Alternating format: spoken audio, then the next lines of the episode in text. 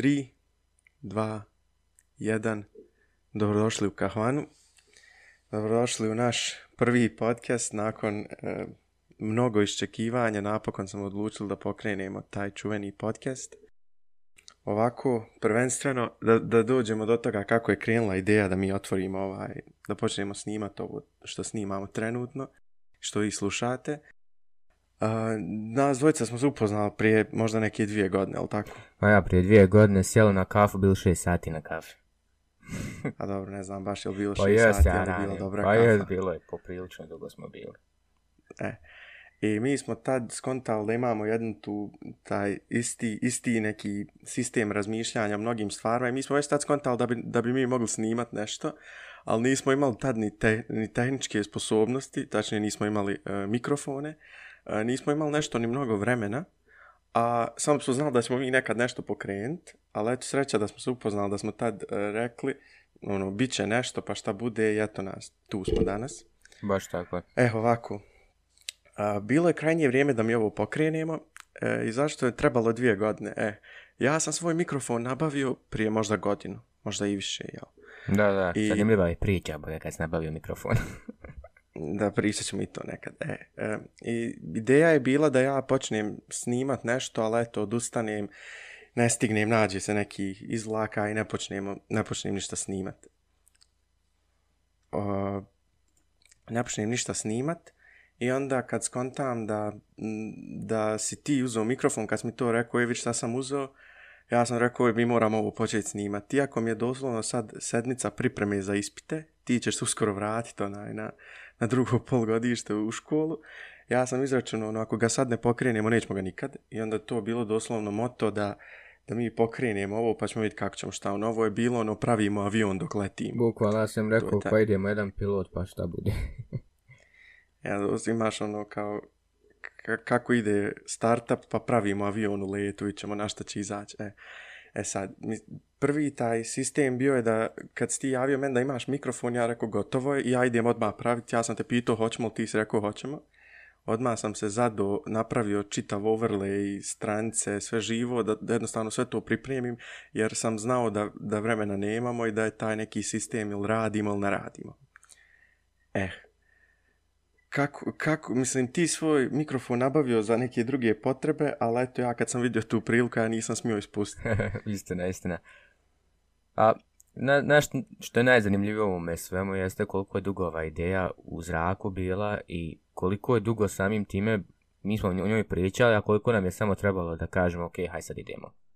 Znači, samo nam je trebala ta jedna, ono, znaš, kao varijabla da se složi hajde idemo sad, ono. Sad je vrijeme. I imaš, i ono, slušao sam mnogo ljudi kad pričaju ono, uspješni ljudi, kako se treba raditi. Većina ljudi je doslovno o, vrlo uspješnih direktora, menadžera, kak god sistem je, ono, radi. Radi, radi, radi, ono, nemoj puno razmišljati, okljevat šta bude, bude, jer taj overthinking, taj neki sistem, kako da, se ideš, kaže, ideš, baciš se i plivaš, jarane. Znaš kako ste učili plivat, bacajte i plivaš. Znači, niko te neće spašavat. Ako ne izraniš, gotovo. Idemo drugo.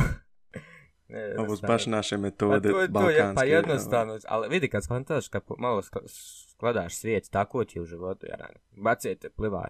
Ako ne znaš plivat, potončeš. Natural, Ja se slažem s tim. naturalna selekcija, all the way. Pa dobro, ali imaš taj sistem, ono, meni je bila floskula često, um, bacim, u vatri se najbolje napreduje, ono, napredak nastaje tek van komfort zone. Da, definitivno, da, definitivno. Kad izađeš iz komfort zone, kad kažeš konačno sebi, ok, ovo je nešto što ja ne znam, ali želim da naučim, ne nešto što ja znam i želim da se s tim bavim cijeli život, ne ide to tako. Jednostavno, E, da baš. napravi neki napredak, moraš da se, da radiš nešto što ne znaš, da da naučiš to nešto. Upravo tako. Ja sam, ovaj, kad si ti meni javio da skupio se mikrofon jer si htio snimati neke vide, ja rekao idem, idem se prvo javiti. Mislim, pretpostavio sam da ćeš reći da jer smo razgovarali o ovom nekad ranije. Onda sam, kad sam dobio povratnu informaciju, palio sam ovaj ilustrator i počeo praviti logo. Jer sam znao, ono, sad imam, imam mal period, imam ova sednica je kratka, imam da to sad završim, sad pokrenem, pa ćemo onda za dalje iskontati. Pa definitivno, ono, kad primijetiš koliko brzo vrijeme prolazi kad, kad ne misliš o njemu, to je, to je ludo, jarane. Ono, znači, zamisli, skoro 22 dana od nove godine je prošlo čovječe. Znači, to je nemoguće, znači, koliko, je, kol- koliko, koliko Da, brzo da. vrijeme prolazi. I, mislim, i meni je to skoro sad neobično kad skontam da je... Bi, pa, mislim, kad skontam, ja sam i, i dalje malo u ono mentalitetu, je li dalje mart 2020, ono, jel... Baš tako, koji je ovo sad, decembar, tamo negdje... 21. Dobro, danas, Januar je, 21.. danas je januar 21. ali ima onaj fazon, znaš, kao koji im je danas ono, decembar 31. pa plus 22, ono, tamo. Da, da, da, sad je 53. decembar. to ti kažem. I dalje Pa, ljude al- al- 20. A tačno tako, ono, mislim, kad je mart stao, kad nam se zaledlo ono obrazovanje, kad su rekli, hej, došla korona kod nas, ne smijete ići u školu, prešalta, prešaltavamo sve online nastavu. Da, to je bilo... Meni je to i dalje sve, ono, Ovo, brate, to se desilo u jednom danu, bukvalno. Znači, priča je bila, ono, imam dalje, ja mislim, screenshotove basa kliksa kad je to bilo. Prvi pet slučajeva u državi kad je bilo, on, onaj, samo odjednom došla u školu naredba kao morate zatvoriti školu, imate dan da skontate kako ćete prići online nastavu. Niko ništa po tome ba nije prije razmišljao. Samo odjednom, znači, no, e, eh, mogu smo, mogu smo sad prijeći, ali kako, niko ne zna kako. Šta, niko ne zna šta mislim, tačno tako, ja se sjećam, to je, ako se ne varam, bio je 13. mart, tako nešto 13. 15. Mhm. Ja nisam došao u školu, mislim, ja sam tad i bio četvrti srednje, ja sam do, otišao u Sarajevo na, neki, na neku obuku i ja se vozim u taksiju, e, dolazi meni obavijest, ona push notifikacija, e, donešena odluka, obustavlja se sva nastava. Ja mislim da je tad bilo u federaciji. Ja rekao, evo ga, prije o, toga ja sam tad... Kod... Da, da, prije toga je par dana u RS, pa smo još očekivali da će se desiti isto u federaciji, ali ipak je rane opet je kod nas sve do onih kantona i kako on to odredi, tako da ono nije, nije bilo sigurno, ali, ali se znalo da će se desiti kad tad. Da, da, ima, mislim, tad je bio sistem, uh, rečeno nam je, sad vam je online nastav, ja sam tad izračunao da je to meni godišnji odmor. Uh, ne znam kako se tebi to činilo. Pa nije Ali- baš godišnji odmor zato što onaj jednostavno je to bilo drugačije onaj način učenja. Jer ti si završavao srednju i tebi to pola stvari što život neće treba, znaš. Ja sam imao ove predmete, sam bio ta drugi srednji, sad sam treći. I znaš, šta, meni, ja sam završavao neke predmete tipa ovi što neću imati u sljedećem razredu kad upišeš smjer, ono, pošto je gimnazija, ali ipak uvijek ćeš imati, na primjer, neki primjer što će mi kasnije trebati matematiku, ovo, o, matematika i to. I onda mi, znaš, ono, to mi je trebalo znanje iz prethodnog razreda, tako da baš to nije bilo toliko opušteno. To je kao, kako da je to bilo neki, nek frka trka kako to sve skontat, ali eto, onda te vrate kasnije, onda to sve izađe na što izađe. Da, da, iz- do, došao je, ja, moja glava, znači mentalitet, godišnji odmor, ja sam tad, mart, ja idem možda do maja u školu, juna, nešto tako. Zadnji ono razred, to je već tad nekako opuštenija atmosfera, znaš, ono da završavaš, privodi se sve kraju, ono zadnje polgodište. I ja sam tad izračunao, a idem se sad opustiti pred fakultet, iako nisam znao ni šta ću, ni gdje ću, ni kuću, ali eto, ajmo se sad opustiti. Međutim, e, pošto e, kao i u mnogim školama e, ta organizovanost nije na nivou i doslovno je e, kad je donošena odluka da trebamo preći online, doslovno je bio ono error 404 not found, šta ćemo sad? Istina, istina. I, i to, to je doslovno palo nekako i na nas da mi tad ono kao dežurni uh, tech support škole počnemo štima taj sistem, Bukvalno. kako da mi napravimo da jednostavno preselimo 400 djece uh, u online formu, Yes. a mislim, ono, a jedva nam je uživo išlo, mislim, šal, nije baš jedva, ali išlo nam je uživo nekako. E, pa znaš šta je bio najveći problem? Mislim, o tome se prije ovoga uopšte nije bilo razmišljalo ni sekunde. Znači, niko nije imao na umu da se takvo nešto može desiti. Znači, nikakvog plana nije bilo, ničeg. I samim time, kad je to došlo do toga, bilo je stani pani, niko ne zna šta će. I bilo je prvo Viber grupe, halova, zamisli no, vod nastav bilo na Viber. Mislim, ne moraš zamišljati, bruka škola je to vodila osnovni. Cijeli, zamisli od marta do juna imaš, imaš nastav na Viber. Pa nije Viber napravljen za to. Nema ni organizovan sistem čata, nije ništa. I hajde mi skontamo Microsoft Teams. Ono, većina škola ošla na Google Classroom, a pošto tad nismo mogli da dobijemo od Google Classrooma onaj, na vrijeme sve što nam je bilo potrebno, treba mjesec dana da se čekati ili nešto tako, mi smo rekli, ok, idemo na Teams, Teams nam je bio ok, to vrijeme što je bilo, to je bilo koliko, 3-4 mjeseca, dok je to sve izašlo, ali samim time kad, smo, kad je ta sva, taj teret toga pao na nas da mi to riješimo, tu je bilo znači kupovanje domene, tu je bilo svašta nešto što je uprava školi onaj, morala da odradi sa nama i oni su to definitivno odradili sa nama, jer ni oni nisu imali drugog izbora. ali kad shvatite koliko je trebalo vremena, znači da učenici prijeđu na tu platformu, e plus toliko i profesori, e onda je to, znači, onda je to značilo baš ono, to je bio debakl. Jer svi, jer niko nije upoznat bio sa platformom, a platforma sama po sebi nije idealna bila. Či, definitivno idealna nije bila, bilo je dosta problema sam prija, kod prijavljivanja, ok, platforma ono unutra šta se dešavalo, a kod prijavljivanja samo bilo je jako dosta problema, ne znam, sjećaš se kad smo rješavali te silne probleme, Sjećam. čatovi na Viber grupe bile, 10-15 grupa, pomagali nam dosta učenika, kako, ka, šta, koji su uspjeli da se prijave, pa on svojim prijateljima pomagali. Tako da je to bilo baš nako... Da, da.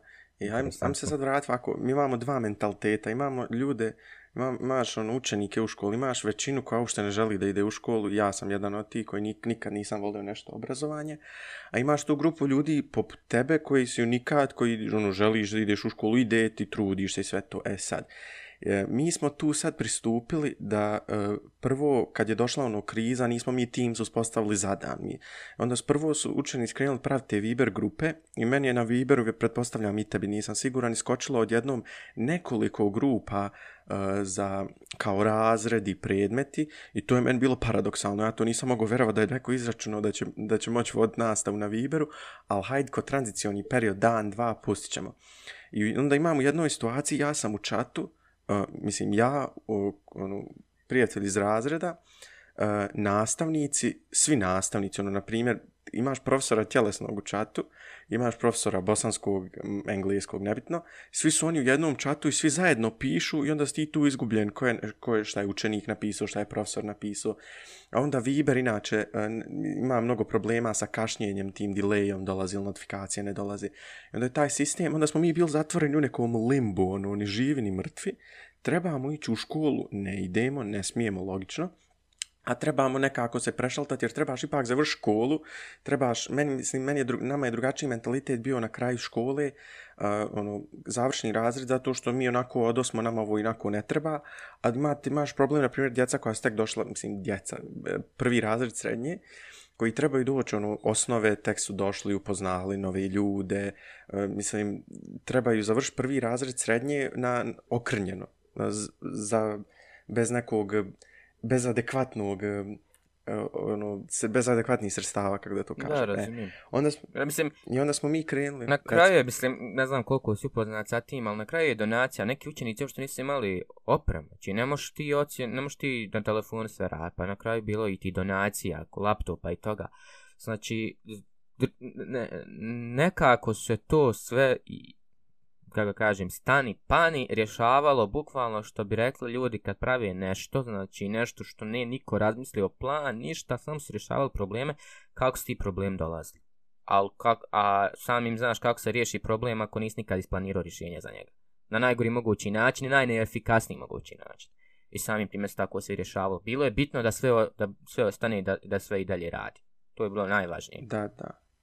I, tačno tako da samo radi da nešto počnemo. Prešaltali smo se s Vibera, otvoren je, ono, razmotrili smo neke platforme, shvatili smo da bi nam Teams bio, Microsoft Teams bio najbolja opcija, iako je tad, ne znam šta mu je konkurencija bio, samo, ti, samo Classroom, ja mislim, ili tako? Jeste, jeste, bio Classroom, ali vidi, onaj, Teams je bio ok, platforma, ono, imaš, imaš, kako se zove, razrede, imaš, imaš profesore, možeš direct messaging profesora i tako to, ali problem kod Teams je bio taj što je kod nas bilo to kao besplatno i samim tim su djeca imala različite akaunte, imaš Gmail, imaš Outlook, imaš Hotmail, imaš ovaj, imaš onaj i to se ima nije radilo. I samim time ljudi su izgubili, počeli imati ba frustriranje. Ne možeš zamisliti da se pokušavaš prijaviti na nešto što će trebati sljedeći on s nama rekli dvije sedmice. Mislim, ono, to je bilo priča. Kad smo rekli kao, koliko je dvije sedmice? Ok, Teams može raditi dvije sedmice, nikakav problem. Ali znali smo svi da to neće biti dvije sedmice. Znači, kad te jednom zatvore, to dvije sedmice nije. I onaj, vidio sam na kraju kako je to izašlo. Znači, jednostavno, problem je bio kod prijavljivanja zbog svih ti različitih adresa i onda je to bilo riješeno na neki način, kad se svi uspjeli prijaviti. Čak je bilo učenika koji se nisi nikad uspjeli prijaviti. Sam se to. To je meni fascinantno. Nakon oliko I... tech supporta, nakon oliko poruka, chatova, mesenja, znači, bilo je ljudi koji se nisu mogli prijaviti. Mislim, vjerojatno nije ni do njih bilo jer je ta platforma bila katastrofa. Mislim, ne znam kakva je sada, ali znam da se opet moramo vratiti na nju. Ali, mislim, ono, nema, nema logike. Da, da, pričat ćemo. Da, možemo pričati o tome i kasnije o tim vraćanjima. I znači, kako je ta hronologija išla, skačemo s Vibera na besplatan Teams, onda trebamo sad skontat kako da mi dobijemo Microsoftov paket za edukaciju, ona je li tako bilo, educate nekako. Ja, ja, ja. Za... Pa zovemo Microsoft, kaj je to bila šega. Zoveš Microsoft, e. onaj pojma o čem pričaš. Da, da, da, sad, sad ću i tu situaciju ispričati. Znači, je prelazimo na Teams, e, kao da ga oslužbenimo, kupujemo domenu, e, prvo smo kupili domenu, onda hajmo sad e, hosting nazvat i treba nam, treba nam od Microsofta da nam odobre da smo stvarno obrazu, da smo u obrazovnoj instituciji, da nam treba to za obrazovne svrhe, da nam ne treba to za nekakvu pirateriju, nemam pojma šta već. Onda mi uzmamo telefon, zovemo Microsoft, ja mislim da imam taj poziv možda negdje i dalje. E, zovemo Microsoft i dobar dan, dobar dan, treba nam, e, treba nam taj paket za obrazovanje i nama ta gospođa s kojom smo komunicirali kaže ko vam je partner. Yeah. I mi tad u tom momentu nismo uopšte bili, mi nismo nikakvog partnera imali. Ti ja smo to doslovno skoro sve sami radili. Wow. Žena nam uporno govori ko vam je partner, kao neka kompanija. Ja rekao, mi partnera nemamo.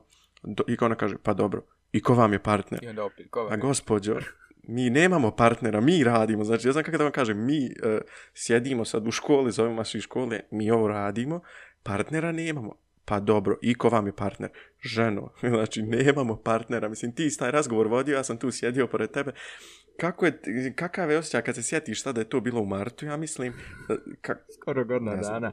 A znaš kakav je osjećaj? I dalje mi nije jasno ko mi je partner ali kad svat, brate, ali koliko ona puta meni ponovila ko mi je partner, a zna da nemamo partnera, ja ne mislim. Ono, valjda je samo na taj fazon i to i radilo prije, jer to, znaš, bilo ono, tek korona počela, tek je covid, ono, za vlad, mislim, za ne on je za već u februaru bio, ali mislim, tad je ono počeo taj mentalitet straha da bude ono online vamo tamo i onda su svi to počeo masu ono. Pa sjećaš se kad smo prezentovali u školi. E, pazite ovo, mi smo prezentovali da, da. u školi i došli smo onaj e, profesorima da prezentujemo kako se ta platforma koristi. Jer tad ministarstvo nije bilo ono bili ovi kursevi online što se što je sad bilo. I mi smo došli. Pa ste šta nam se desilo u roku u time frame kad smo mi bili u školi, dok kad smo izašli iz škole, tad je cijeli Microsoft serveri Teamsa pali cijela Evropa je pala. Zamislite tu sreću. Či, ništa nismo mogli pokazati. Došli smo s laptopom, bila je ta sjednica, ljudi svi u maskama, čudno pravo bilo, kasnije normala, ali tad je već bilo ono, šta radi, da svi imaju maske. I onaj, ti prezentuje, pokušavaš prezentovat, ništa ne radi. Ne, ne možeš se ulogovati. Da, da.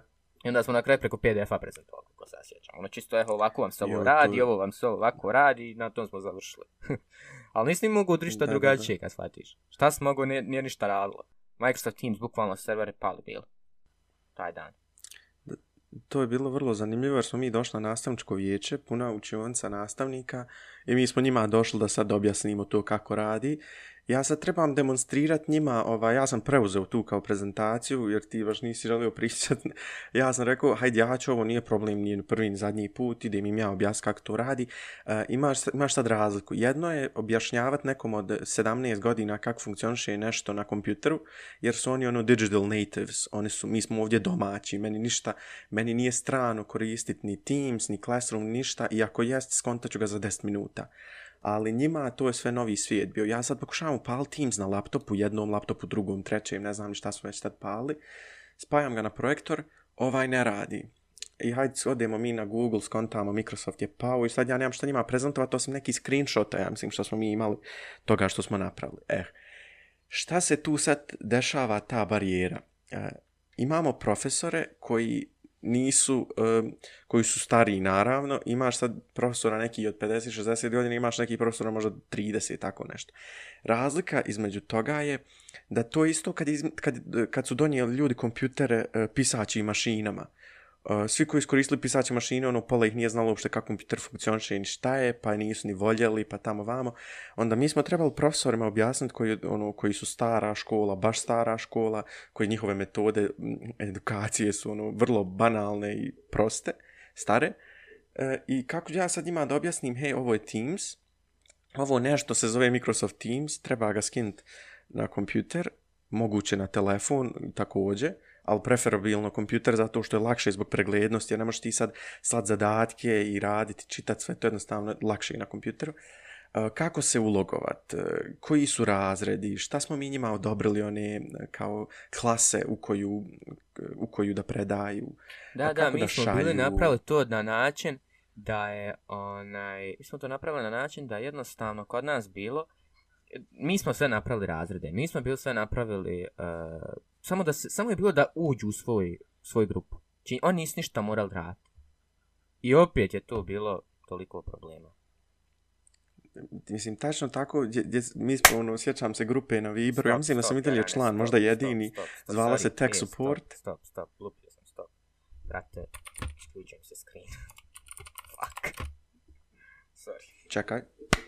Sam. Da lupim, da znam šta ću editovati. Da lupio sam Ajde. ja već bio, mislim. Ma da se ovo čuto. Vijem se screen. Ajde, nastav. Izvin, molim. Slobodno nastav, ajde. Šta smo pričali? uh, tri, dva, jedan. I uglavnom sjećam se te grupe na Viberu, možda sam i dalje ja tu sam jedini član, zvala se Tech Support, gdje su ljudi ulazili, izlazili, je li im se promijeni telefon, je li im se restartuje telefon, ne radi, zaborave šifru, ne radi mail, tamo vamo, osjećao sam da isto oni, in, Amerikanci nazovu ono tech support neke velike kompanije, javi se neki indijac, pa ono, jeste li pokušali restartovati router? Bukvalno e, na LinkedIn stavi arane tech support, mislim da niješ bilo riješiti. Na kraju, znači, minimalno tech support. Znači, vid, šta je kod nas bilo naj, najzanimljivije u tome svemu je na kraju kad sam ja pogledao svoj telefon nakon te prve udarne sedmice, ja sam imao 120 kontakta, ja ne znam ko su ljudi. Ja sam samo, jer jednostavno kad piše na Viberu gore dodaj kontakt, sloniš notifikaciju, dodaš kontakt, brate, ja 120 kontakta imam, ne znam ko su ljudi. Nikad vidio u životu, nisam da. nikog od njih. Mislim, vjerojatno sam i vidio u prolazu, ali brate, ne znam ko si. Ja imam I, mi, liste, i tad znači. se to promijenilo, da. Jer uh, imaš, im, tad smo imali tu situaciju objašnjavanja ljudima, e, ljudima kako se to koristi. Jer mislim, to je sad, tad je bio sredina marta, uh, udario je maj, uh, i, znači maj, juni, to je kraj polugodišta. Uh, mi smo ajde do maja to nekako uspostavljali. Mi to usput uspostavljamo, ajde, privodi se kraj polugodišta. Ajde, mi idemo u školu. Onda ima... I to je bilo, da. Mi idemo u školu, a mi, to sve, mi se tim bavimo. Da. E, znači, idemo u školu, uh, idemo mi u školu, pored toga što popravljamo. Ja mislim, imamo naše obaveze, znate, jer to, tad, tad su bili obaveze pisanje 2, 3, 4 eseja na dan. Mislim, to je bilo nehumano, kad shvatite. Znači, pišeš 2, 3, 4 eseja, svaki esej treba da ima, šta ja znam, koliko ono, bilo 3, 2, 3 stranice, kao. Iz predmeta, ako nisi u život pisao esej, ja sam iz geografije pisao 2, 3 eseja. Šta ću pisati geografije? Zanimljivo. Šta je geografija da pišem još sebo? Ne, mislim, na kraju sam odgovarao na neka pitanja po strancama, čovječe. Znači, to je bilo, ali ti se napišeš, engleski, koliko rečenica smo radili? 20, 25, nadamo, to je bilo. Ne, ja još uz to cijelu tech support vodiš. A još uz to cijeli tech support vodiš, znaš. To, niko o tom ne razmišlja, sam ti se javi. A ti imaš sve vamo I... ostalo mi smo tada zadešeni, znači, e, profesori ne znaju šta djeci da zadaju, jer, nemaju, jer nemamo ocijena, o, prekinuli smo, onda nisu nas htjeli, nisu nam htjeli kao izmišljati, mislim, nije da nisu htjeli, nego ne možeš izmišljati ocjene, trebamo sad uraditi nešto da bi zaslužili te ocjene od kuće, i onda profesori moraju smišljati neke, e, hajmo reći, nestandardne e, metode šta da mi radimo. Eto, na primjer, ti govoriš esej iz geografije. Možda je to nekom bilo normalno, ja ga nikad nisam pisao, eto ti jesi. E, drugačiji je taj pristup gdje, gdje mi trebamo zaslužiti ocjenu od kuće, a profesor ne znaju kako. Jer nije, nije sad da imaš preda, ono, čas od 45 minuta da se može ocijeniti neke stvari na času tamo vam, nego ti moraš sjeti sami i i uradi to sve, poslat, kako poslat, šta poslat, gdje, jel radi Teams, ne radi Teams. I onda sve, sve, sve to bilo jedan vrlo stresan period, taj kraj tog polgodišta. Uh, ja sam se srećom tad, uh, ja sam se srećom tad upisao na fakultet malo ranije, možemo i o tome nekad pričati, ali uglavnom e, ti problemi oko toga šta se dešava, kad se dešava, jer djeca nisu navikla na to, iskreno, e, i mnogo sam odgovora dobio i pitanja, upita e, šta je ovo ovoliko, odakle vam volki zadaci, zašto mi ovo radimo, mi ovo ne znamo. I zna, jedna je stvar, na primjer, geografija. Ja smatram da geografija, na primjer, možete uzeti pročitati, čitati to reljefu Njemačke, ali ne možeš ti matematiku, nije baš pojenta da ti sam sebi matematiku objašnjavaš. Istina, ali još shvati, a još jednu stvar ste zaboravili, tad imao 18 godina, znam kako je bilo nama sa 16-17 godina. Mi nismo mogli izaći iz kuće mjesec dana i više. Nismo mogu izaći. Mislim, po pravilu nismo mogli izaći. Ako si poštovo koja, na primjer, nisi izašao. Onaj, Ali zamisli to te, znači vama te bombarduju sa svim živim, znači nema šta ne dobijaš, eseja, pišeš, znači ruke ti otpadaju, i onda dobiješ vamo i još ne možeš izaći. Jer bukvalno se zatvoren. I taj mentalni, i, to, i taj mentalitet jarane. Pišeš pismene, pišeš ovo, pišeš ono, profesor kaže toliko i toliko sati. Miš. Mi bila druga smjena, ja sam pisao pismenu 11-12 sati. El kaže, pišete pismenu na tu i tu temu, 45 minuta, slikaj, predaj, sve tako. Mislim, ono, Da. Ja sam skroz metno suma to zabrane kretanja, policijski sat tamo vam. Mentalno, Mislim, ja sam brate, kad zamisliva, mentalan taj dio kad ti znaš da je virus neki napolj. Nikad, znači niko se od nas, ova generacija nije, na primjer, suočila sa tim. Prošla generacija, mislim, moji roditelji tvoji, oni su preživjeli rat, znaš. I njima je to puno jednostavnije bilo za, za, za, za, za razumijeti da se nešto dešava što nije ordinary, je normalno. Dok nama, taj psihički aspekt, je bio potpuno drugačiji. Niko od nas nije znao šta je to, gdje je to, ko je to, kakav je to virus. Sjećaš se januaru slika iz, Njema, iz uh, Italije. Slika iz, iz, iz uh, Kine. Sjećaš se ti slika? E, sjećam se. Si. Ali onda, znaš, znači jednostavno ta neka svrha, slika ta koja te obuhvata je da si prestravljen. Da, da. Ja se sjećam, uh, Zoran Kesić je snimao onaj video, ne znam, možda si ga gledao, kako ono, hronologija korone, a vi, novi virus u Kini, a, Maja to, oni tamo jedu šišmiše pse mačke, a proširio se na Tajland, kao, ma hajde, ko je nije na Tajlandu dobio neku zarazu, nije ni bio, aha, evo ga u Italiji, Španiji, ono, kako se postepeno dolazi do nas i dok mi ne dobijemo taj slom sistema. A ja mislim da ljudi do na, kod nas nisu uopšte shvatali to ozbiljnost, jer sve dok tebe ne pogodi ono individualno baš, hmm. tebe ne zanima. Ono, neko orilo, gorilo, šta god da se dešavalo, sve dok tebe ne pogodi, tebe ne zanima. Baš tako. I onda je bilo, mislim, bilo je svega, svet, svet se samo vijestiva. Samo da počnemo brat zaražene. Sa 5 na 50 na 500. Avgust 500 na dan. Znači, ne, to je juli to... je bio 500 na dan. Znači, te, ne još dok ti ne dođe u porodicu, još dok ne dođe u porodicu, evo da, tek bude da se. On... Ali ima situaciju, mi smo tad brojali ono, he, prvi slučaj došao, mm -hmm. došla, ne znam ko je došao prvi iz Italije, pa drugi slučaj neki šofer je došao, ja mislim, ako nije kod Banja Luke nešto bilo, pa je, jedno dijete aha. zaraženo, drugo, pa treće. Pa školu dezinfikovali, pa vratili djecu u školu. Da, da, mislim, bilo mi je zanimljivo tad kako je ono se pratilo, znaš, bilo je to neko krizno stanje gdje se svi kao prepali, kao, ja mislim da je tad najozbiljnije bilo tretirano. Da, da. I mi smo se tad ono kao Doza pripremali. Straha je bilo. Doza straha je bilo. Da, i, nije i mi bilo... brojimo tad 1, 2, 3, 5, 10 zaraženi.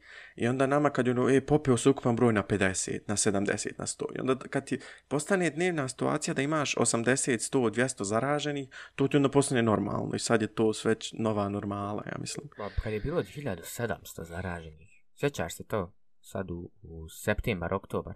1700, 1800, 1900 bilo mislim najveće. Gledaš one brojeve, i gledaš šta trenutno se dešava, koje su mjere sada, koje su bile kad je bilo sto ljudi. to je ta doza straha, da. to je ta neka doza straha što ja mislim, što ne razumijem mi trenutno, a vjerojatno postoji neko ko to treba da razumije i on to s tim se bavi, ali mislim, ono, tebi ko, ko, ko učenik u gimnaziji nije jasno šta se dešava. Zašto sam ja morao ići online kad je bilo deset ljudi zaraženi, kao da se prijeći one, širenje virusa, a kad je 1800 državi, tad normalno ideš. Odnosno normalno, ta nova normala koja je bila kombinovana nastava i tako to.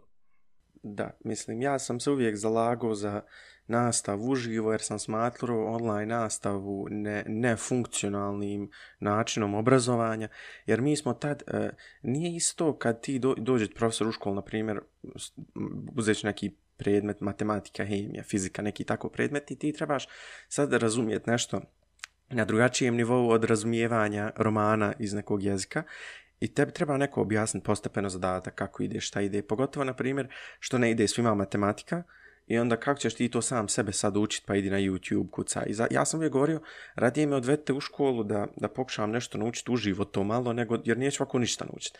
I onda sam skonto da, da je povratak u školu, da povratak u školu nije opcija. I onda, je pre, onda sam izračunao čemu ovo sve, šta ću, kako ću. Ali eto, mislim, moja su trenutno, pošto sam na fakultet predavanja, sva na mitu. Ja regularno imam nastavu na mitu, koja nije idealna, ali postoji za razliku od kad sam tad bio u srednjoj. Mislim, ne znam kako se tebi sad odvija online nastava. Kod nas je sad važno nešto što se zove kombinovana metoda. E, kombinovana metoda, znaš što sad biram riječi, uh, jednostavno zato što moram, mislim ne moram nikome ne tjera, ali želim da, da to predstavim na što bolji način.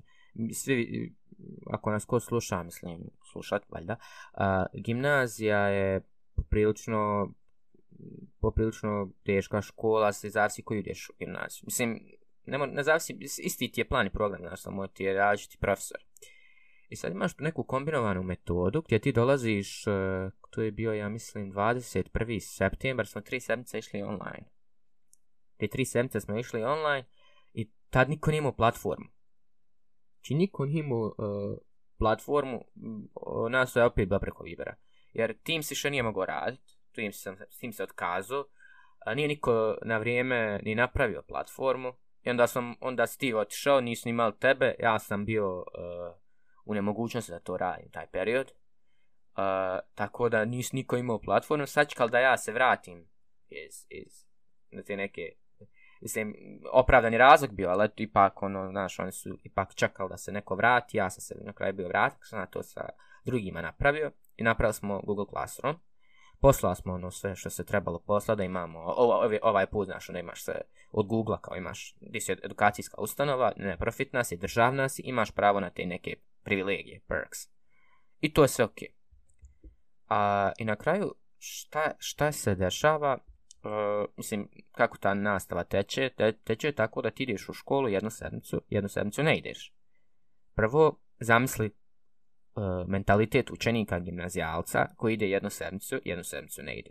Da li ćeš ti išta u svom životu raditi januar, uh, izvini, uh, raditi ponedeljak, utorak, svije, četvrtak i petak, ili, su, ili subotu, ili ćeš sve čekat nedelju i onda u ponedeljak opet ideš u školu i sve tako.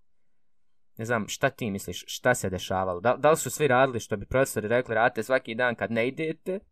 Iako dobiješ, mislim, pošaljeti, znači online nastava, classroom, pošaljeti sliku nečega. Šta ja imam od slike, da, druže? Šta ja imam od slike? Ne, mislim, profesor su trudili maksimalno, na primjer, kod nas profesor uh, nekih predmeta tipa matematike gdje je baš ono teško, koje što gradimo, mi radimo trigonometriju. I kad se vratimo na nastavu, uh, mi nama profesorca to ponovo objasni, samo puno kraće, znaš, nema ti nekih detalja. I to je moguće na kraju bilo. Ali ja opet ne razumijem uh, dio te kombinovane nastave gdje ti dođeš u školu i tebe većinu ispituju. Znači, ja nisam više testova u svom životu radio nego ove godine. Znači, to su bili masovni testovi. Jer znaš zašto? Ti ideš pola vremena, još ti je čas 30 minuta, i ti moraš dobiti ocjenu. A niko ti neće ocjenu dati online. Znači, on su zamijenili, uh, zamijenjeno je bilo, uh, zamijenjeno je bilo učenje sa ocjenjivanjem. Učenje je bilo uh, online, a ocjenjivanje je bilo uživo, što nema logike. Ali zašto nema logike, kad shvatiš? Nema logike zato što ti ne možeš naučit nešto sam od sebe. Mislim da možeš, šta će ti škola, šta će ti profesor. Baš tako, ispiš se. Izvini, Jarane, ako možeš sve sam naučiti, pa ti si genijeva. Ja, Idi udemy.com. Makamo, imaš Udemy, imaš Khan Academy, imaš ovaj, imaš onaj, imaš college ba, pohađat odmah. Možeš sve sam učiti, da će profesor ba. Trigonometriju sam tako. sebe nauči svaka ti čast. Svaka ti čast, znači odmah možeš otići, imaš fakultet prijav se, reci ja sam u sva sam naučio.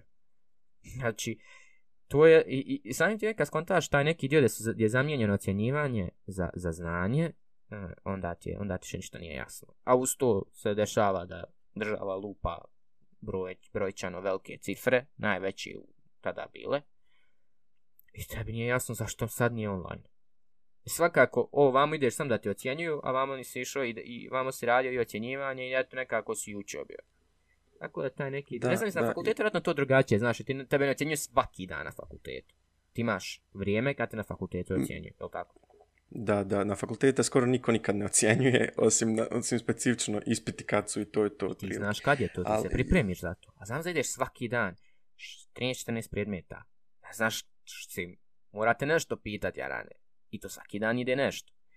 A ti već kasniješ s gradivom. Mi kasnijemo s gradivom kako smo krenuli sa školom. Namo je tu pa... Ali tako je uvijek. Ima onaj sindrom iz matematike, to je uvijek tako bilo, ono prvi čas dolaziš septembar, e, djeco, već kasnimo dva časa, hajde da nadoknadimo. Mislim, ali ovo je još bilo gore, jarane. Ti išao tri sedmice. ti išao tri sedmice, Ja. a brojalo se kod da si išao. Mislim, dobio si ti online, ali šta ti to znači? E, taj sistem se skroz, skroz promijenio da, da se kratko vratim na to kad si ti rekao u septembru nije ništa bilo no nova školska godina, tebe nije kratko bilo i sad nema sistema, nema platforme. Šta, šta, tu se ta, tek vidi pravi krah našeg obrazovnog sistema gdje ti nemaš na koga se osloniti, ono, nemaš neku instituciju koja će vam doći reći ono, hej, dobar dan, evo vam čitava platforma, onaj, da vi sam se prijavite, nego, de, hajmo sad učenici, da vi to napravite, de, znači, pravim sebi platformu, isto da dođem sebi zidat školu koju ću sjediti, ono. E, znaš, kako je neobično, ja pravim sebi klu, stolcu na kojoj ću sjediti u školi, Ta, toliko mi je to neobično, e, mislim, nije mi više neobično, ali u tom momentu mi je ono bilo, hoću sam sebe i učiti, onda je tako i na kraju ispalo da se djeca mnogo pala na taj sistem, da moraju sami sebe učiti. I te zadatke što spomenuo, to, to pet dana učenja. Znači, ja bi se kladio kad bi se napisalo neko istraživanje, kad bi se sprovelo da, da većina učenika uopšte nije zainteresirana za nastavu koju pohađaju, nego da tu idu, ne znam, i zbog, da li zbog roditelja, da li eto samo pro forme. To pro I forme. onda taj, E, To je to, pa Reci. to što kažeš, pro forme, red. Uh, izgubiš inter, interes za nešto što, što ne možeš da, kako to kaže na našem, što ne možeš da shvatiš neki, na neki način. Znači, izgubiš interes, jer za, tamo te samo dobijaš, dobijaš, dobijaš gradivo, dobijaš nove stvari, a ne znaš šta dobijaš, ne znaš šta usvajaš, ti samo nešto, nešto kupiš, ali šta kupiš nemaš pojma. I naravno da ćeš skupiti interes, je prirodno. I to što si govorio ti 5 do 12 radova, znači ja većinu ljudi koji poznajem, koji sam upoznao kroz svoje školovanje su bili ti, kako mi to nazivamo, kampanjci, ono, učiš kad trebaš, znaš otprilike kao kad će te pitat, nadaš se, kad će te neko pitat, ti sjedneš noć ranije, bubaš, bubaš, bubaš, dobiš ocjenu, preko stra zaboraviš sve to jer ti je nebitno i onako to znanje koje si na bubo preko noć ti je irelevantno, apsolutno, za život, za karijeru, za sve, nego ti to samo nabubaš da dobiješ ocjenu, da možeš pokazati da dobio tu ocjenu, da imaš nešto u evidenciji i gotovo. E, skoro niko ne radi taj sistem ono, konstantnog učenja i onda ti, pogotovo kad ispadneš iz, tog, iz te kolotečine i onda počneš sve raditi 5 do 12, e, zadatak koji je, na primjer, daju ti ljudi deadline od 7 dana, evo ruki je da neće 90% ljudi početi raditi prije zadnja dva dana. Mislim da je to poprilično tačno. Mislim, što veći je deadline, veća mogućnost je da ćeš odlagat, odlagat, odlagat, odlagat. Ali, a vidi ovo, e, tačno tako odlagat ćeš. A kad, e, na primjer, ti zadati neki profesor, neki zadatak, trebaš nešto uraditi, napraviti, ne, nebitno, imaš sedam dana rok. E, tebi za taj zadatak objektivno, na primjer, treba tri sata. I ti ćeš doći, na primjer, zadano ti je za sljedeći ponedjeljak, ti ćeš sjesti u nedjelju i početi to raditi. Kad bi ti profesor dado, zadao u ponedjeljak za utorak taj zadatak, mi ćemo se naravno početi žaliti jer nam je to kao kratko, iako mi objektivno možemo to stići. A, Nama je to opet kratko. da, ali vidi, objektivno ti možeš stići sve. Znači ti možeš to stići, ali vidi, uh, ti ne biraš taj, to vrijeme kad ćeš to da radiš. Jer to te forsiraju na taj time frame, taj neki dio u vremenu, kad ti, na primjer, možda imaš druge obaveze. A u sedam dana, kad ti da, onda ti se možeš odrediti kad ćeš uzeti ta tri sata da odradiš taj zadatak. Taj neki, po meni, Da, dio da. bitan. Jer vidi, ti kad imaš školu, ne, ovo ne znam da, li- da li se to ikad dešavalo, ali jednostavno, na primjer, kaže profesor sljedeći dan test. To su mi najmrži jaran. Taj mi je najmrža rečenica. Evo zašto. Ako želiš da dobro se pokažeš na testu, a fali ti lekcija, na primjer, fali ti 3, 4, 5 lekcija, ti moraš taj dan sjesti, to naučiti. I ako imaš šest drugih predmeta, ti moraš sjesti to naučiti. Ako želiš dobro ocjenu, naravno, mislim, možeš ti dobiti 2, 3, Da, te briga. razumijem šta govoriš, da. Ali, znači, tad si forsiran. Ali ako imaš sedam dana, ako ti neko kaže test će biti za dvije sedmice, na primjer, dobiješ plan i program kad će test biti, možeš se pripremiti i možeš reći sebi, ok, taj, taj, tri sata, tad i tad moram da uzmem, da to naučim, a ne forsiran u nekom time frame druge obaveze taj dan, neočekivano, to su ti one stvari koje ti uču neočekivano u rasporedu. I te su stvari najgore, jer ti te stvari moraš, moraš sad prav prioritet, znaš, imaš listu prioriteta, šta se gdje dešava i kako sad to moraš se poraspoređivati. I zato ja mislim da je ipak, kad ti da neko 3, 4, 5 dana ili 7, da ti se da možeš reći, ok, tad imam više vremena, tad imam manje vremena, tad imam, tad mogu spavati, tad ne mogu spavati, tad dođem umora nisam. Ma da, I onda imaš, znaš, taj mislim, prioritetnu listu i to možeš naslagati. Da, slažem se ja s tobom sve što govoriš, ali mene znam prije još volio jedno istraživanje napisati. Koliko učenika planira svoje obraz, ono, planira svoju sednicu, na primjer. E, ja u početku, ja do možda trećeg, srednje, nikad nisam sve planirao, ono, jer nisam imao nekih obaveza osim škole i znao sam, na primjer, uh, utrčem sam se nešto puno angažovao i onda sam počeo koristiti Google kalendar i meni je ono svaki dan imao po dva, tri neka segmenta koja ne smijem zaboraviti šta trebam raditi pored škole. E, mene zanima koliko djece stvarno se planira šta će raditi ili oni ono, ili, ili većina kako se meni čini jer sam ja tako živio, ono uopšte ne razmišljam kad mi je šta, nego ono živim day by day, kad dođe, dođe, borćemo se s tim što je danas i gotovo. Uh, E, jer mislim imamo, ta, imamo to istraživanje, to naše čuveno PISA istraživanje da, da je koliko ono, pola učenika funkcionalno nepismeno, ali tako? Pa po njihovim, mislim ne znam koga ste testirali, ali kad mislim da je to poprilično tačno. Jer evo, evo zašto je to tačno. Ti idi u, ne znam kako to je njihovo, šta je bilo na tom testu, ali evo idi u srednju školu sad i uradi e, pitanje, pitaj koji, šta je starije, zabiranje ili množenje i pitaj koja je Pitagorna teorema, na primjer. Mene zanima brojčano koliko će ljudi to znati. To su najosnovnije da, da, stvari. Su... E, to su, da, šest i osnovne, moja, pet. Znači, to su najosnovnije stvari. Ali vjerovatno ni ta djeca nisu kriva. Evo zašto. Ne možeš sve reći da su djeca kriva. Jer ako je neko napravio predmet da je dosadan, da taj predmet je ne, ne, da ga ne možeš usvojiti, džaba tebi, jarane, što ti uzmiš knjigu i čitaš. Tebi to jednostavno više ne zanima, jer je to neko napravio da to nije interesantno.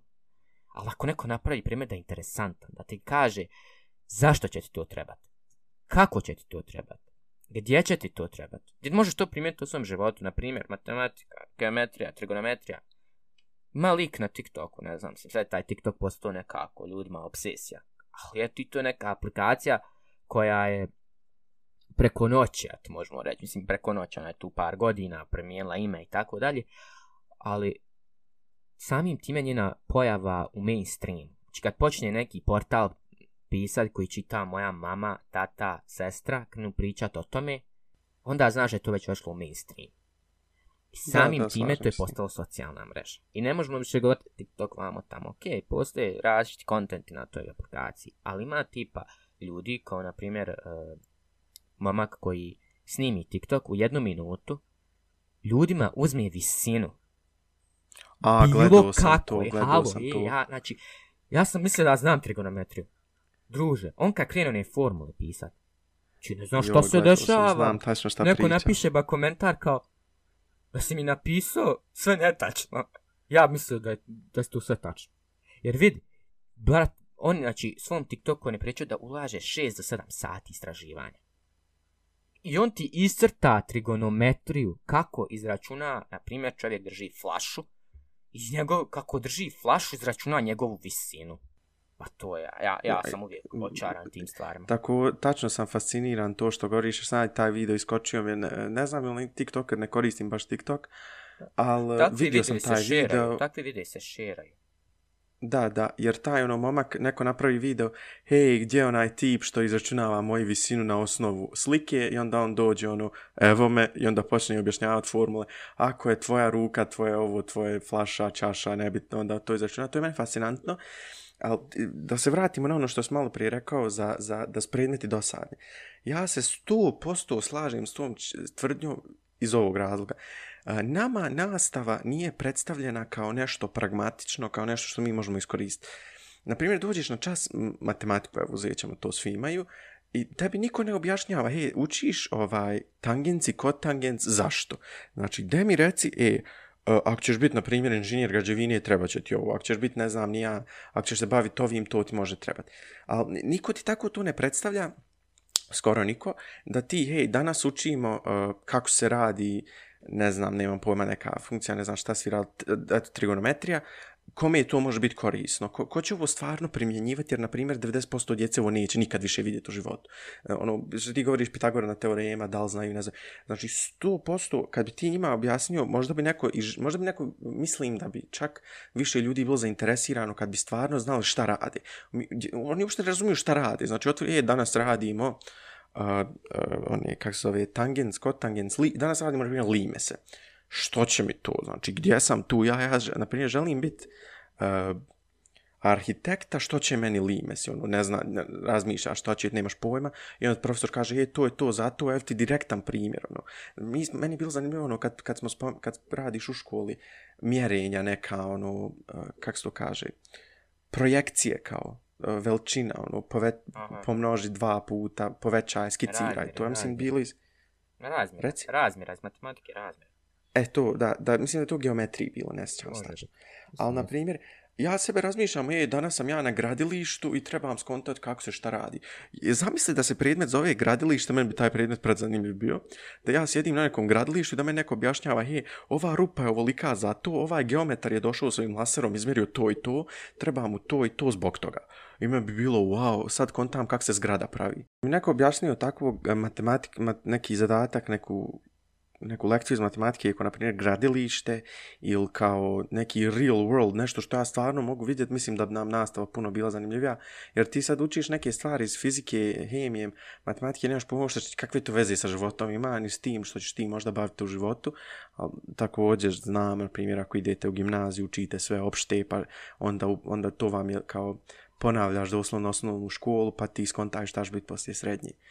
I onda mislim pa, kad ja, se dotak... dobijaš više eto vremena da izabereš šta ćeš. Ali najgore je kad neko kaže ja sam završio gimnaziju.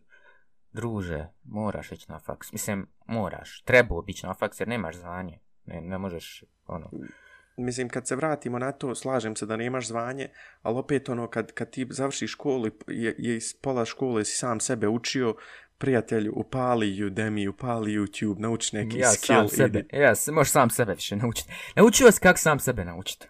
Ja, ti spos, ono, self-educator i ti sad, kad kontaš, kad ti shvatiš da kako se uči individualno, kako se ono, kako, kako da savladaš neke stvari sam, onda ti postane individualno učenje jednostavno i onda te ni, ško, ni školovanje više ne zanima. Uh, imam sad ovdje ovu sliku što si mi već poslao, by the way, ova slika je napravljena uz pomoć e, uh, Tweetlija, imat ćete link u opisu. Uh, ovo je citat uh, Twitter accounta Malware Tech blog koji kaže School was so soul destroying I'd fake being sick at least once a week just to take days off and they con convinced me that that is just how life is. Now I find myself working from home while recovering from COVID despite having unlimited personal time off because I actually enjoy my job. Kako je tebi ići u školu? Da li si ti raduješ ići u školu? Tebi drago ići u školu? Meni je, mislim, jedan mali kontekst, ko je Malware Tech? Uh, To je da? osoba koja je zaustavila ona kraj. A, uh, je li to onaj momak? Da, koji je, koji je odšao na Defcon i bio uhapšen i onda su ga ljudi oslobodili. Mislim, dobio je pli neki, nešto je uradio. A da, na, da, nisam to znao. Mislim, znam na koga misliš. Na kraju su ga, da, Hodgkinson, se tako zove. A na kraju su ga oslobodili, mislim, dobio je te neke uvjete, a na, ali mu je to što je spasio svijet od vana kraja, što je ugasio na kill switch, a na, pomoglo.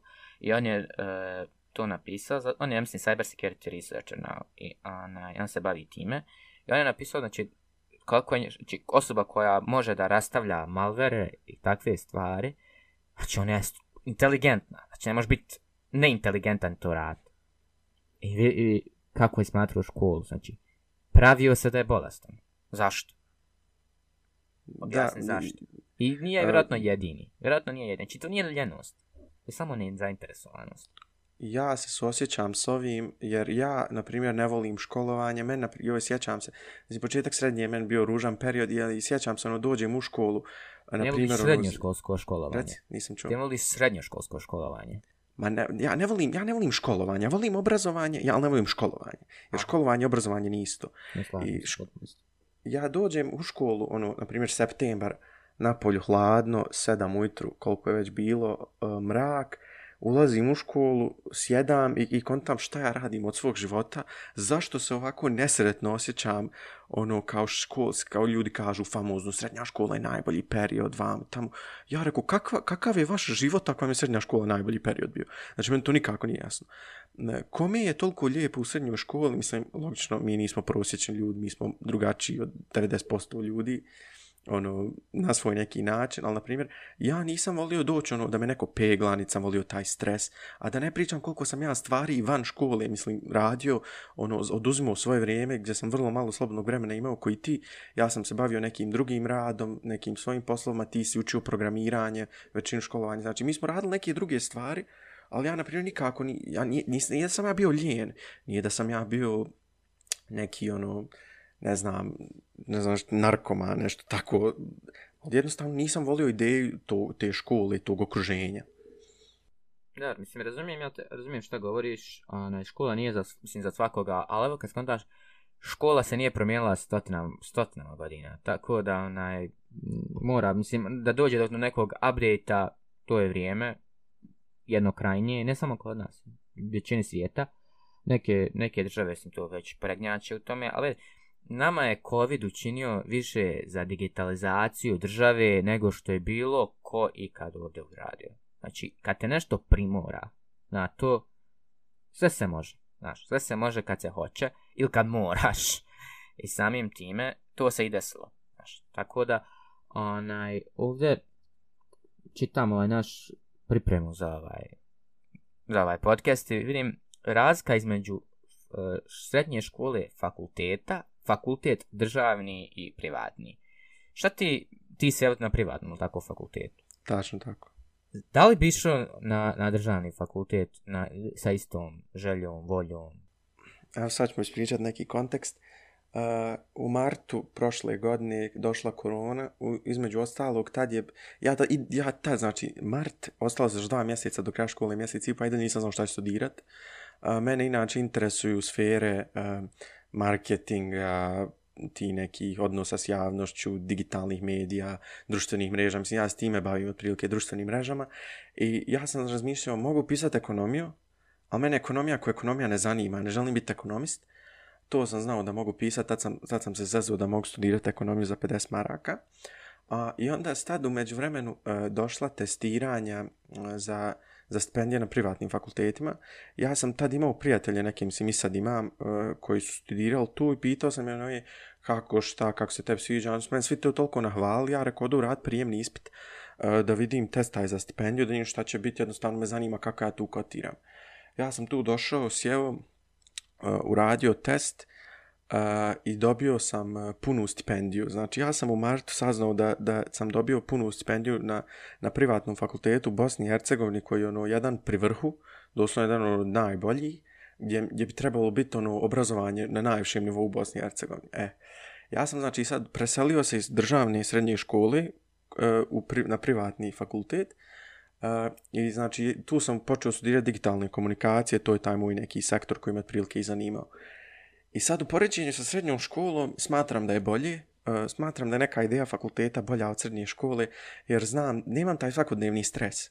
Znaš, no, do, kroz što ti spomnio, ja dođem u školu, hoće li me pitat, neće li me pitat, ima li test, nema test. Ja ovako znam kad mi je, kad mi je ono rat, kad mi je bitka, i tad se pripremim i to je otprilike to. A da, na primjer, u poređenju sa, sa državnim fakultetom, ja bi da nisam ovo upisao, da nisam ovu priliku dobio, ja bi vjerovatno bio uh, studirao ekonomiju, i onda radio uporedo s tim, ovako ne radim, studiram, bavim se nekim drugim poslom, ali na primjer da, da sam ostao, na, da sam upisao državni fakultet, vjerovatno bi radio i fokusirao sam neki svoj side business, side hustle, nešto peto, deseto, jer mene to ne bi zanimalo. Imaš drugačiji, ra, drugačiji pristup. Na primjer, ja se ovdje trudim, i ono drugačije usvajam to neko znanje zato što trebam između ostalog, pored toga što trebam naučiti to što te predmete, ja imam za održati svoju stipendiju. Dok na državnom fakultetu, na primjer, što je kod nas, meni je to toliko paradoksalno da može to naše besplatno obrazovanje, mislim uslovno rečeno, nije da pljujem po besplatnom obrazovanju, treba biti besplatno i dostupno svima, ali govorim u kontekstu da kogod se prijavi na fakultet može studirati, iako po svojim ocjenama, po svojim kriterijima ne bi trebao možda, ili nije, nije će to biti. Um, ehm, da sam upisao taj državni fakultet, vjerojatno bi imao ono, samo prolazio ispite i bavio se nekim sporednim stvarima. Kako je ovdje u kontekstu odnosa profesor-student, mislim da je puno bolje nego u srednjoj, ali mislim da to ima i do segmenta što, su, što je jednostavno zbiljniji nivo obrazovanja i do toga što je privatna institucija. Na primjer, vidio skandal onaj što je, što je prošao e, nedavno kad su ufatili profesor da je nazvala svoje studente kerovima ne znam kakav je tvoj komentar na to, ali eto. Nemam komentar, onaj, zašto nemam komentar? To se vjerovatno dešava već dugo vremena, samo dotad nije bilo, znaš digitalni stvari, digitalni uređaj, ajmo reći, da se to snimi. Jer vidi, ako je onaj, to se već reklo, izreklo, mislim, jedni tvrdi da jest, neko tvrdi da nije. Navodno znaš, se izreklo. Navodno se to govorilo. Onaj, isto što i kod nas, i, i možeš da se i kod nas nešto reklo, nešto nije, znači, e, ti si od početka učen da ti na času znači imaš određena pravila i to je da je profesor glavni, da te, da te zvono ne pušta da izađeš, nego te profesor pušta da izađeš, znači stvaraš te neki autoritet. I onaj, svim kak stvara se taj neki autoritet, e, ljudima se javlja pobunjeništvo, odnosno rebellion, samim time, onaj, i jednostavno ide akcija na reakciju. Što je veće autor, što, je ve, što, što neko pokušava spostaviti veći autoritet, veće će se pobunjeništvo prijaviti. Znači ono što imaš to neka akcija i reakcija. Ja bih rekao rebellion, jer mi je lakše. Onaj, ali definitivno i ni jedna ni druga strana, ne znam, mislim, ne, ne, ne, nemam komentar na to. Onaj, pogotovo, pogotovo onaj na fakultetu, jer e, kontekst, ne znam da može jedan kontekst izvući to da bude ok. Znaš, jer mora biti međusobno poštovanje. Znaš, ču, jer, na primjer, u njoj te profesor ne zovu kolegama, na faksu te zovu kolegama.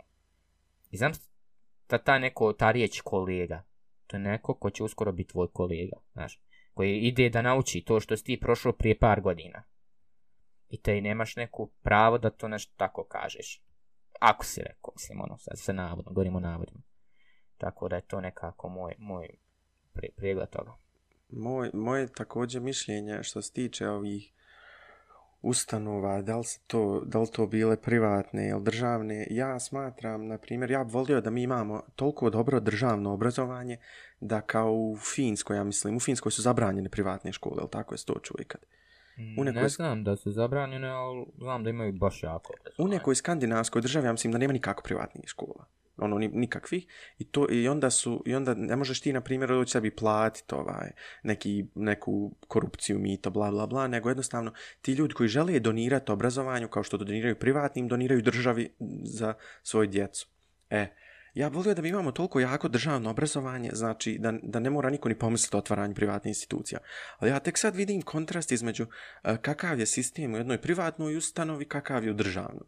I ja nisam neki ljubitelj školovanja i to od kad znam za sebe, znači od, od svojih prvih godina, ono, ne znam koliko sam imao, 3, 4, 5, kad sam, znači doslovno prije osnovne škole znao pričati engleski i njemački, uh, E, ja tad sam znao da ne volim školu. Mene puste, radije ću ja sam gledat nešto i skontat kako to funkcioniše nego ići u školu, jer je to meni bilo užasno okruženje. To, za, to je za mene bilo ono toksično što bi ovi moderni ljudi rekli.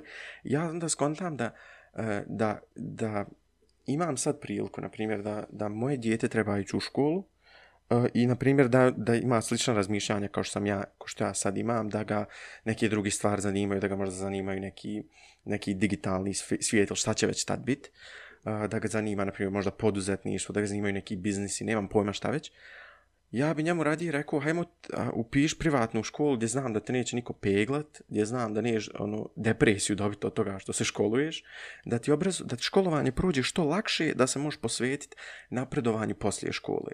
Znači, ja smatram da, da se konstantno čitav život treba učiti, da se treba edukovat, da trebaš učiti neke nove vještine, napredovati. Ono, ti kad završiš školu, fakultet, ono, ne, mnogim ljudima život ide ono nizbrdo umjesto uzbrdo, ono, kao da napreduju, znaš. Isto ne znam kako, te, kak, kako se tebi čini, da li bi ti upisao privatnu, privatno, da li bi nastavio na državnom? Uh, moje mišljenje je, ja sam, mislim, je prošle godine bilo na moje uh, aplikacije na, za zrak. I kad je to sve bilo, kad sam prošao kroz ta, bio sam na jedan kad sam bilo. Da, da, da. Onaj, I mene su na par intervjua pitali gdje dalje planiraš. Ja sam tad rekao, ja ne planiram ovdje da ostanem. I ja se da i dalje vodim. Jer moje mišljenje, šta se ovdje dešava i koliko je moje koliko je moje razumijevanje ovog ovdje, je da ja ovdje nemam neku budućnost. Ja ne mislim ići u Njemačku u, u, u ovo vamo gdje je većina ljudi, zato što jednostavno onaj, ne smatram se tom radnom klasom, ako me razumiješ. Onaj, mislim, mi možemo govoriti da klasa ne postoje, znaš, ali u Njemačkoj kad ljudi odu, zna se šta ko radi. Znaš, Njemci će rad najplaćenije poslove. Jednostavno je tako. Onaj, I ja planiram znači, da idem iz ove države u neku, uh, neku državu tipa Kanada, Švedska, Finska, Danska, Norveška, ta neki dio, znači, ok, oni su puno razvijeni, ali mislim da je obrazovanje na drugačiji način, znaš. U, I samom SAD-u je drugačije obrazovanje. Znači, fakultet tamo, srednje, totalno drugačije. I zato onaj, mislim da, da kada bi otišao u drugu državu, da bi dobio drugačije, do drugačije mišljenje o svemu tome i mislim da e, bi bio cjelovitija ličnost nakon toga. Jer ne, ne nužno da ću ja naučiti nešto puno što trenutno ne znam jer moje znanje o ovome šta želim da studiram je poprilično već na tim nekim nivoima sa ljudima koji su to završili. E, da damo malo konteksta, ovaj, slušalcima, ti inače ima 16 godina, 17 godina, pardon, sa 14 prodao prvu aplikaciju, sa 16 si uveliko pisao Android aplikacije, imaš sad 17, radiš iOS aplikacije, Swift, da ne pričam, pored toga što znaš backend rad, znači to je mnogo godina rada, dedika, dedicationa, uh, mislim da to da je to nešto talent, ono neki talent, nešto van serijsko za naše prilike i smatram da da bi tvoje upisivanje na neki BiH fakultet bilo jednostavno šteta vremena. Štet, mislim, šteta vremena, ako šteta vremena je, mislim, za zasi šta upišeš, znaš, mislim, dolazi do toga da kad ti upišeš, na primjer, fakultet ovdje FIT ili upišeš ETF, ti dosta toga naravno možeš naučiti. Ali sad, e, kažem da je drugačijim okruženjima, drugačiji mentalitet i želim jednostavno da iskusim taj mentalitet. I zato planiram da, da odijem negdje dalje da studiram. Jednostavno zato, ne neki, ne neki drugi razlog. Sam želim da iskusim drugačiji mentalitet, drugačije okruženje i drugačije ljude. Jednostavno, to je neki glavni moj razlog zašto ja idem. A isto i što si ti upisao privatni fakultet, a ne državni, dobio si tu priliku.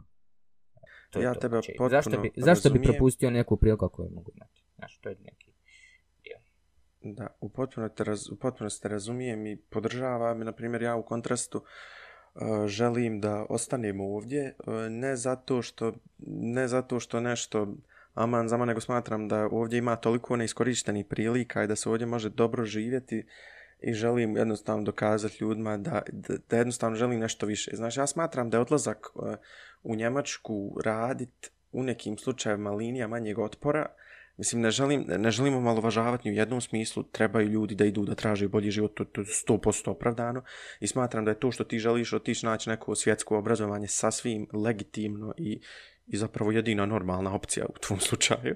A, ali, na primjer, meni se čini da ja sad kad bi otišao u Njemačku, ono, to, to jednostavno nije, to nisam ja. Uh, mislim, pričam ja i njemački jezik i engleski, sve to, ja mislim, ne, ne, ne, ne bi se meni bio problem snaći ja smatram da ovdje ima toliko neiskorištenog potencijala i da bi ja radio ovdje živio i ovdje imao kompaniju nego, nego radio u Njemačkoj za nekog. A, mislim, možemo još sljedeći put, ovo ćemo uskoro privesti kraju, a, u sljedeći put možemo pričati oko toga, o uspjehu, o radu, koliko zapravo treba fokusa da ti sjediš šest godina uh, u prostoriji i učiš kako se pišu aplikacije i sve to. Definitivno, ona, vjerojatno nekom to je bilo zanimljivo, na primjer, ko počinje, zato što svi misle da je to najveći, najveća greška početnika svega. Ne, ne samo teka, ne samo programiranja, ne samo toga IT-a. Općenito početnika svega je ta što misle da se to desi sve u roku od 10, 15 mjeseci, dana ili tako dalje. Ne. E, to je problem, znaš. Zato što e, ti kad uđeš nešto, vidi, ja sam, kad sam počeo u ratu, vas smo 12 godina. Znači, ja nisam imao blage veze sa životom. Mislim, nemam ni sad ali onaj, mm, sa životom, ali već ostalim tehnikalijama i to se vremenom posložilo. Ali kad ti kreneš to rat, I ja sam primjer, imam sve projekte iz 2015. godine, iz 2000, mislim naj, 2014. ili 2015. taj neki prilaz je bio. Onaj, ja kad pogledam te neke projekte, ti tačno vidiš koliko si ti napredovo, koliko ti sada vremena treba tako nešto napraviš. Šta sad razumiješ, šta se tu dešava? Ja sam prije, sam samo copy paste, copy paste, copy paste, copy paste. I onda vidiš da to nigdje ne vodi. I onda ideš na nešto drugo. Onda to dalje učiš. I onda uzmeš, kupiš Udemy kurs za 10 dolara, brate, 10 dolara, sad možeš naučiti šta hoćeš. Znači, tad su kurse bili 25 dolara, mislim, najjeftiniji. Sad su 10. Znači, 20 maraka tu ti je bukvalno da ne odeš na par kafa, uzmiješ sebi kurs online. Ne moraš ni plat, maš na YouTube. Maš na YouTube besplatno. Baš. Možeš neki piratovat u ostalom u BiH. Dobro, mislim, o tome ne, o tom ne suportam, zato što sam, znaš, sam sad kreator, tako da onaj... E, razumijem, razumijem, slažem se, slažem se da ne treba piratovat, ali znači, u BiH gdje je skoro sve piratovano, Može doslovno besplatno, znači nemate isprika zašto ne radi. Da, nemaš isprika, eto, nemaš isprika, to je definitivno. Onaj, ja radim neki dan zove kao, kako da ja započnem sa, sa game developmentom? Ja radim, how to start game development with Java, with C Sharp. Pa to je toliko jednostavno. Pa toliko jednostavno naći resurse, ja radim, najveći ti je problem, kako to naučiti? Jedan men šalje kako onaj, napravio fiziku loptice da pada i tako to. Znači, da, da. YouTube-u sve ima. Ima sve. I samo sjedneš volja, želja i naravno odrcanja, odrcanja. Ja, moja sreća da sam to radio dok nisam imao ovaj socijalni život, znaš. Kako sam bio, ono, yeah. vuk samotnjak, znaš, ono, imaš 13 godina, si izla, počeli izlaz napolje, ja sjedim i, i, i pišem jeziku nekom. I to, ali to je uvijek tako, znači, mislim da, da bi dobra tema za sljedeći podcast bio uh, kako, šta je zapravo rad, odricanje, neimanje, što ti kažeš, socijalnog života. I onda se ti pojaviš sa, sa 16 godina, ljudi daju internship i ti sad ono kao joj kako on to dobio, šta i dalje drugi srednje, bla bla bla. Mislim, nije to drugi srednje, to je šest godina odricanja rada, uh, ono, ne znam, neki stvari propuštenih što su drugi uživali, ali to je sve u kontekstu da bi ti kasnije nešto mogo imati. Isto sportici, na primjer. Čovjek trenira šest, bubam, šest puta dnevno, ono, čitav dan trenira nešto i ode dobije zlatnu medalju. I onda, je, kako to, kako, šta mm. kako čovječe? Pa šta to kako? e, to, to je to. Znači, kad kreneš poređivati rad sa, sa, sa nečim što, što je vidljivo, znaš, jer sportiste, na primjer, kad ti kreneš eh, uh, raditi neki sport, lupam, ideš, ideš na treninge, tebi se tijelo počinje drugačije ponašati. Tebi tijelo počinje priprim, poprimati neke oblike zato što jednostavno tipa radiš na nekom dijelu mišića, naravno će tijelo početi biološki, da, da se te mišići ono izražavati. Samim time radiš, na primjer, stomak, taj dio, abdomen. Znači, jednostavno taj dio se počinje pokazivati i vidi se rad. Dok, na primjer, nešto što je intelektualno, ti to ne možeš tako lako, ljudi to ne mogu tako lako primijetiti. Znači, i samim time, ti sam sebe moraš doći do te neke granice i reći, ok, ja sam tu sad, gdje želim biti za par godina, za par mjeseci, šta želim napraviti. A ja nešto što sam najviše naučio iz svega ovoga, a to je get out of comfort zone. Najvažnije je taj dio. Naprimjer, prije bi ja uzimao neke stvari, neke projekte koje sam, znam 100% da imam god rad. Nema ljepote u tome, iskreno više. Jer sad znači idem na nešto što nemam pojma. Idem na nešto što ne znam. Ako ne znam, naučit ću. Sad imam, napravio sam foundation ti šest godina. Za bilo šta. Za bilo šta što u ovom sferi IT-a me može strefiti. Samim time, da. onaj, napraviš strong foundation, možeš kuću praviti. Razumiješ? Taj, taj neki dio. Ekstra bi bila tema za sljedeći na podcast. Onaj, kako je, ima, to, i ti nisi, sam, i ti čitao sam jednu knjigu. Kaže čovjek u knjizi, e, čo, ljudi najbolje napreduju na limitu svojih sposobnosti. Znači, kako to ide? Ako ti, ono, zadatak, imaš neki zadatak koji ne znaš, ali, ali ono, na granici tvojih sposobnosti taman ga završiš, savladaš nešto novo. Naprimjer, većina ljudi, kad, e, da ne uzmeš prevelik zalogaj, nego ako uzmaš zalogaj, na primjer, e, na granici svoj, koji su, na primjer, nadogradnja na tvoje znanje što ti govoriš, ti ćeš sve to savladavati, još ćeš se zadovoljstvo i napredovat ćeš sve postepeno.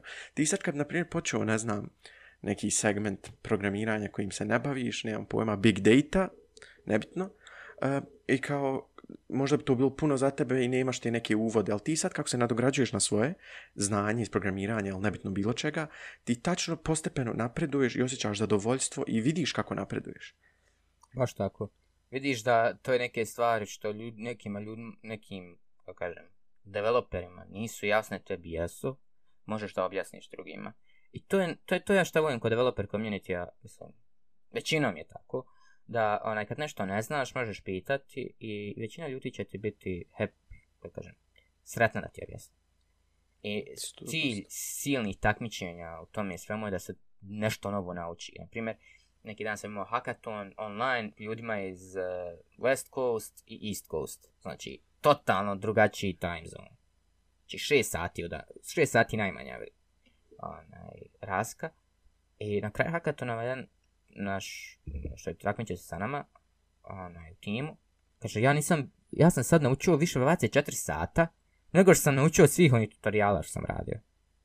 On je imao teoretsko znanje. Ali kad te stisne nešto 24 sata, moraš što da napraviš, drugi tim, neko očekuje od tebe nešto, jednostavno drugačije. Adrenalin je nešto što tijelo, znači hormon koji se izlučuje kada si pod, pod nekim stresom, kada nešto treba da se odradi, kada, ne, kada tijelo ne smije da trpi bol, jer ga to koči. Isto ti je i ovdje. Znači ne, ne mora znači da je adrenalin, shodno, ali postoji nešto što ti ide, što ti, onaj, kad si pod limitom, kad, te, kad, kad samo što nisi nešto prošao, ti kažeš na toj liniji, onaj, što te vodi dalje. I ja mislim da je to najvažnije. Kad pronađeš tu sferu gdje kažeš još malo, ok, blizu sam, blizu sam, blizu sam. Znači, neki problem, primjer programiranje rješavanje problema. Ja sam jedan problem rješavao dvije sedmice. Znači, šest godina iskustva dvije sedmice rješavaš problem. Da li je to nešto što, što ti nisi znao? Nisam znao. Da li neko mogu pomoći? Ja sam pomogao mi. Kako? Opet nije mi je pomogao na način koji meni trebala pomoć. Jer on je tebi pokazao ne, neko, ne, neko ti je pokazao kako to nešto treba. Pod nekim drugim primjerima. Ti trebaš to primjeriti na svoj primjer.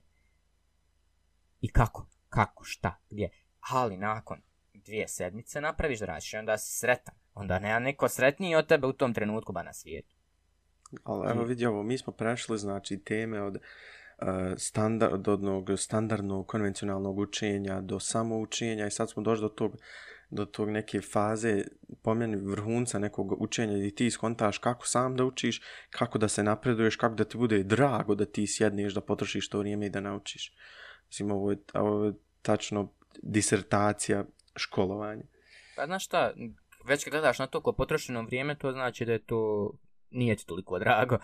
Onaj, jer ja ne gledam nazad na vrijeme koje sam proveo za ovim uređajima na potrošeno vrijeme. Stolom. Ja gledam na uloženo vrijeme. Uloženo vrijeme. Jer onaj, ja ne planiram imati 9 to 5 job. Znaš, samim time, Naravno. To je uloženo vrijeme. Ili kad kreneš u vrijeme gledat ko uloženo, onda možeš da drugačije razmišljaš o sebi. I o tome što radiš. I da i onda imaš return on investment. E, da, da. Vremenom se desi, jer, jer kad radiš nešto toliko dugo i toliko se dao sve, znači dao, dao, se, dao se sve moguće, zato odrekao se brku stvari, jednostavno onda, onda mora nešto se desi, možda neki return on investment. Eto ga, prešli smo čitavo obrazovanje, i školovanje, i obrazovanje, i učenje, i sektore gdje ćemo, šta ćemo. S time vam se zahvalio što ste nas pošali, ako ste došli do kraja svaka čast. Ovo je naša pilot epizoda, prva epizoda, a bit će ih još. Hvala vam na slušanju i čujemo se drugi put. Prijatelji, sretno vam svima. Sada ponovo, znači, ide iz početka nova, nova školska godina, novo sve, sretno svima. Nadam se da će biti puno bolja nego prijašnja, da ćemo konačno riješiti se virusa što hara, nadat se, sve nada i vidimo se. Prijatno.